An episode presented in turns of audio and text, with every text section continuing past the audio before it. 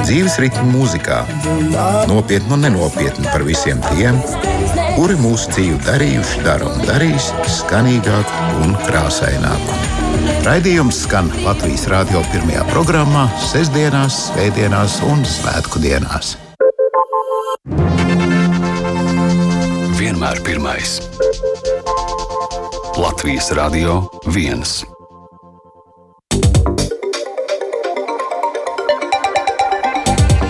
Esiet sveicināti Svētdienā, 10. septembrī. Ir tieši 12. un sāk skanēt Latvijas radio dienas ziņas studijā Negras Rozenbergs. Daži temati, kas izskanēs turpmākajās minūtēs.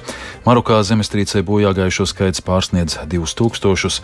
Pie brīvības pieminekļa sākas tēvu dienas gājiens.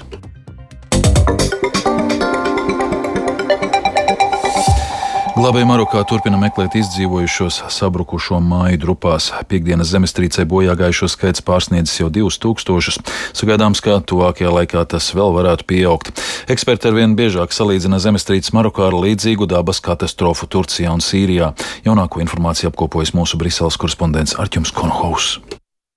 Daudz turistu iecienītās Marakešas pilsētas iedzīvotāji jau otro nakti guļ zem klājām debesīm. Viņi baidās gan no iespējamiem piekdienas zemestrīces pēcgrūdieniem, gan arī no tā, ka viņu mājas var sabrukt, jo to konstrukcijas ir bojātas. Uz ielas guļ arī marakešas iedzīvotāja Fatimā Satīra. Paskatieties, kur šie visi cilvēki guļ. Mums neviens nepalīdz. Mūsu mājas ir saplaisājušas, bet citas ir pilnībā iznīcinātas, kā manai meitai, kuras māja tika pilnībā sagrauta. Te ir haoss. Netālu no viņas guļ jaunāks vīrietis vārdā Muhameds Lagrūrs. Viņš aģentūras AFP žurnālistiem pastāstīja, kā atrodas līdzīgā situācijā.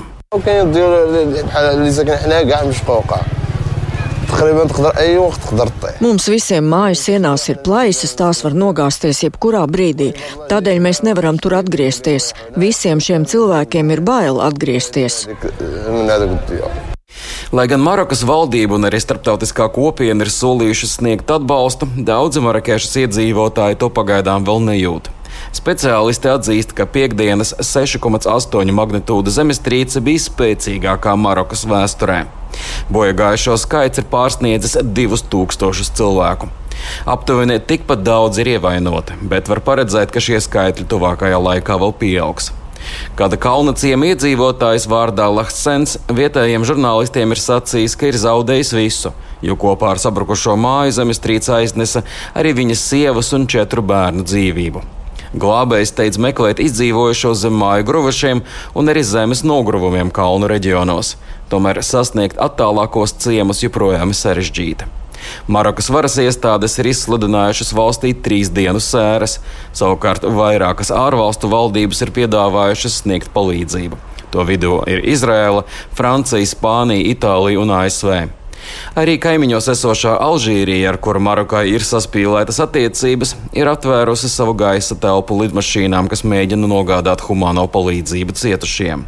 Sarkanā krusta pārstāvja brīdina, ka postījumi ir tik lieli, ka reģiona atjaunošanai būs vajadzīgi mēneši un pat gadi. Vairāki kalnu ciemati tika gandrīz pilnībā izpostīti. Arcēns Konakovs Latvijas Rādio Briselē. Spānijas galvaspilsētā Madridē gaidāmi protesti pret iespējamo Katalonijas neatkarības kustības dalībnieku amnestiju. Šo akciju organizēja galēji labējo politisko spēku atbalstītāji. Bijušais Katalonijas premjers Karles Puigdemons apmaiņā pret savas partijas atbalstu valdībai, ko veido Pedro Sančes vadītie Spānijas sociālisti, pieprasa amnestiju visiem, kas saistīti ar 2017. gada reģiona neatkarības referendumu. Turpina mūsu Briseles korespondents Arķums Konohaus. Ideja par iespējamo Katalonijas neatkarības atbalstītāju amnestiju ir izraisījusi asu reakciju no labējām Spānijas partijām. Tautas partijas vadītājs Alberto Feijo ir mudinājis sociālistu līderu Pedro Sančesu izveidot ar viņu kopīgu koalīciju, nevis sadarboties ar Karlisu Puigdemonu, ko Feijo dēvē par bēguļojošo noziedznieku. Sančes līdz šim nav skaidri atbalstījis Katalonijas aktīvistu amnestiju, bet ir sacījis, ka attiecībās ar šo reģionu ir pieļautas kļūdas un ir pienācis laiks pāršķirt lapas pusi. Laikapstākļi ļaus Ukrainas bruņotajiem spēkiem turpināt aktīvu ofensīvu vēl 30 līdz 45 dienas. Tā paziņojas ASV apvienotās štābu priekšnieku komitejas priekšsādātājs ģenerālis Marks Millijs. Raida organizācijai BBC viņš norādījis, ka iestājoties rudenīgiem laikapstākļiem, Ukrainas bruņotajiem spēkiem būs grūtāk manevrēt. U Ukrainas armija virzoties uz priekšu, lai gan lēnāk nekā gaidīts. Ukraina pret, uh, Ukrainas pretuzbrukums sākās vasaras sākumā, un Ukrainas bruņotie spēki paziņojuši, ka viņiem ir izdevies pāraut pirmo visvairāk nostiprināto Krievijas armijas aizsardzības līniju Zaporīžas apgabalā. Tikmēr Krievija aizvadītajā naktī raidījusi uz Kīvas apgabalu 33 bezpilota lidaparātus kamikadzes, no kuriem 26 izdevies iznīcināt. Tā teikts Ukrainas gaisa spēku paziņojumā. Ienaidnieka droni lidojuši no ziemeļu virziena no Krievijas Kurskas.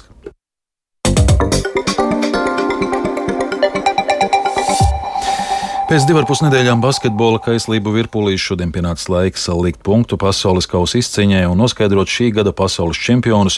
Lielajā finālā par galveno balvu spēlēs Vācija un Serbija. Tikmēr Latvijas izlase var priecāties par piekto vietu, un komanda jau atgriežas mājās, kur mūsiem rīt pēcpusdienā paredzēta svinīgā sagaidīšana Rīgas centrā. Plašāk par visiem galvenajiem sporta notikumiem stāsta Māris Bergs. Pasaules kausā basketbolā pienākusi pēdējā spēļu diena un laiks noskaidrot šā gada medaļu ieguvējus.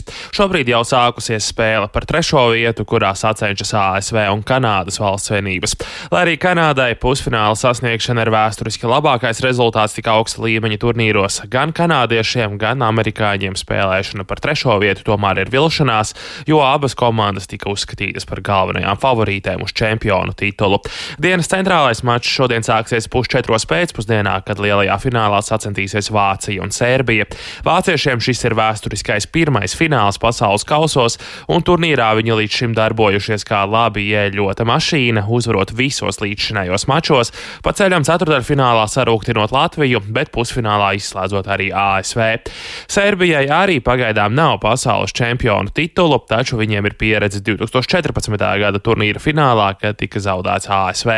Sērbija grupu turnīra otrajā kārtā zaudēja Itālijai, taču pārējos mačos darbojušies pārliecinoši, ceturdaļfinālā sagrājot Lietuvu, bet pusfinālā viņiem apturot Kanādu. Abu finālistu izredzes tiek vērtētas līdzīgi, un kādai no valstīm tas būs pirmais čempionu tituls. Latvijas izlase tikmēr jau devusies atceļā uz Eiropu, un rīt komandai paredzēta svinīgā sagaidīšana pie brīvības pieminekļa. Komandas galvenais treneris Luka Bankī pēc spēles preses konferencē norādīja, ka šis ir viens no krāšņākajiem stāstiem viņa basketbola mūžā, slavējot savus spēlētājus, bet vienlaikus atgādinot, ka tomēr nedrīkst ieslīgt eiforijā. Klausāmies Luku Bankī. You know, Mēs spēlējām ar stilu, un man tas patīk, bet mēs nedrīkstam pazaudēt savu virzienu. Par to esam daudz runājuši. Mums jāsaklabā pazemība un jāturpina strādāt pie uzlabojumiem. Bija lieliski redzēt komandu rīta treniņā pirms spēles par piekto vietu. Visi bija ļoti koncentrējušies. Tas man vēlreiz atgādina, ka trenēt šos puišus zināmā mērā ir viegli un arī īpaši. Katru dienu viņiem ir spējas dot vēl lielāku enerģiju, iedvesmu, vēlmi energy, enthusiasm and desire. Par citiem notikumiem sportā, jo es Open sieviešu vienspēļu turnīrā aizvadītajā naktī triumfēja mājiniece Koko Goffa, kurā atguvās pēc neveiksmīga pirmā seta, un viņa ar 2-6, 6-3, 6-2 uzvarēja neitrālā statusā spēlējošo Baltkrievijas tenisisti Arinu Sabaļēnko. Goffai tas bija otrais Grand Slam fināls karjerā un arī pirmais izcīnītais tituls. Šovakar US Open paredzēts vīriešu fināls, tajā sacenšoties Novākam Džokovičam un Danielam. Danielam Medvedevam. Abi finālā tikās arī pirms diviem gadiem, toreiz Ņujorkā trofeju izcīnot Medvedevam. Tāpat šodien ar vairākām spēlēm turpinās pasaules kausa regbijā, kas pie mums varbūt ir mazāk populārs, taču starptautiski tas ir viens no gada lielākajiem sporta notikumiem pasaulē. Šodien turnīrā iesaistīsies pašreizējie pasaules čempioni Dienvidāfrikas Republika, kas dienas centrālajā spēlē cīnīsies ar Skotijas regbistiem. Šī spēle sāksies nedaudz pirms septiņiem vakarā, bet par sportu šobrīd man tas tas arī viss.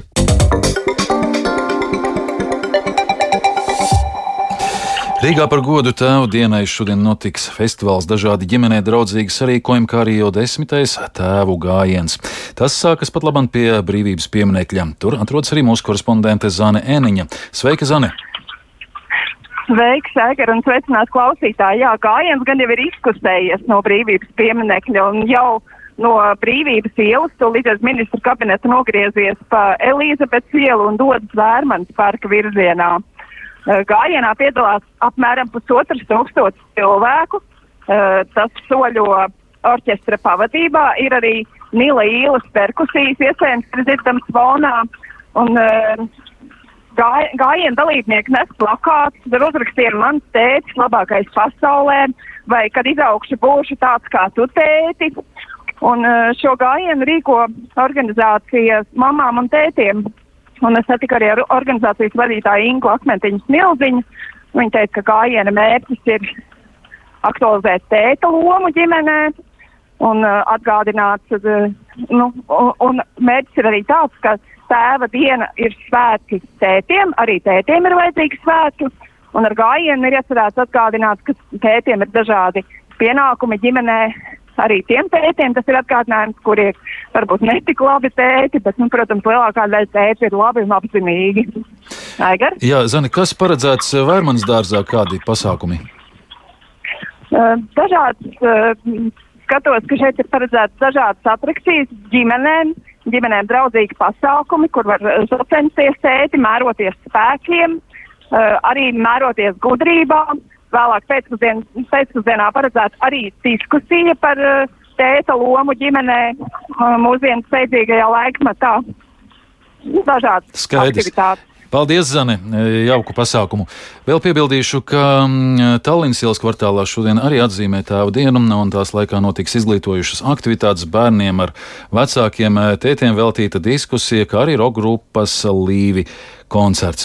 Vēl par citām vēstījumiem. Vakar trim cilvēkiem bijusi nepieciešama glābēju palīdzība izkļūšanai no meža. Cilvēki bija apmaldījušies Tals un Valmieras pusē. Valsts ugunsdzēsības un glābšanas dienesta pārstāve Ilze Dāme Birziņa stāsta, ka sagatavoties dodoties uz mežu. Pirms došanās mežā informēt piedarīgos par to, uz kurien jūs dodaties un plānoto arī atgriešanās laiku. Jā, iespējams, ģērbieties arī košas krāsas apģērbā. Ir svarīgi paņemt līdzi uzlādētu mobilo telefonu, arī, ja ir nepieciešami kādi medikamenti, ko lietojat regulāri, arī personas apliecinošu dokumentu, kabatas lukturīti vai svilpīti, un arī ūdens pudeli un šokolādi. Esot mežā, palūkojoties visapkārt, varbūt tur ir dzelzceļš ceļš vai stīgas, kādi īpaši koki vai dabas objekti, kas varētu būt labi orientieri gadījumā, ja jūs esat apmaldījušies. Mežā esot, sekojiet līdzi laikam un nepaliekat mežā līdz tumsai. Savukārt, nonākot bezizējas situācijā mežā, saprotot, ka esi tomēr apmaldījies, galvenais - saglabāt mieru. Turpina Ilze Dāme Birziņa. Ja esat mežā apmaldījies, tad eh, nekrītiet panikā. Ieklausieties, vai tuvumā neatrodas šoseja, dzelzceļš vai kāda dzīvojamā māja. Ja pašu spēkiem neizdodas atrast izēju no meža, zvaniet uz tālruņa numuru 112 piezvanot uh, ugunsdzēsējiem glābējiem, nosauciet pēc iespējas konkrētākus orientierus.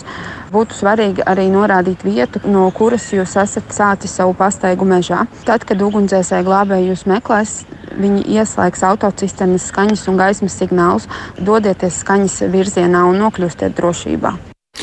Un vēl Venecijas kinofestivāla noslēguma ceremonijā ar zelta lauvu festivālā galveno balvu godalgota grieķu režisora Jorga Lantīma zinātniskās fantastikas melnā komēdija Nabaga radības ar Emu Stonu galvenajā lomā. Labākās aktrises Volpija kausu saņēma Kēlija Spēnija par Elvisa Preslija dzīves biedrs atainojumu Sofijas Kopolas filmā Priscilla. Savukārt labākā aktiera godalgu par lomu Maikla Franko filmā Atmiņa saņēma Pīters Sarsgārds. Filmā viņš atveido ar demenci sirkstošu vīru. Ar sudrablau lielo žūrijas balvu festivāla otru prestižāko godalgu apbalvota Japāņu režisora Ryusukes Hamaguchi filma Ļaunums neeksistē. Bet vēl pašmājās Dzintora koncerta zālē no šodienas atsāksies brīvdienu mūzikas cikls. Četros koncertos klausītājiem būs iespēja baudīt mūziku nepiespiestā atmosfērā un caur sarunām iepazīties ar māksliniekiem.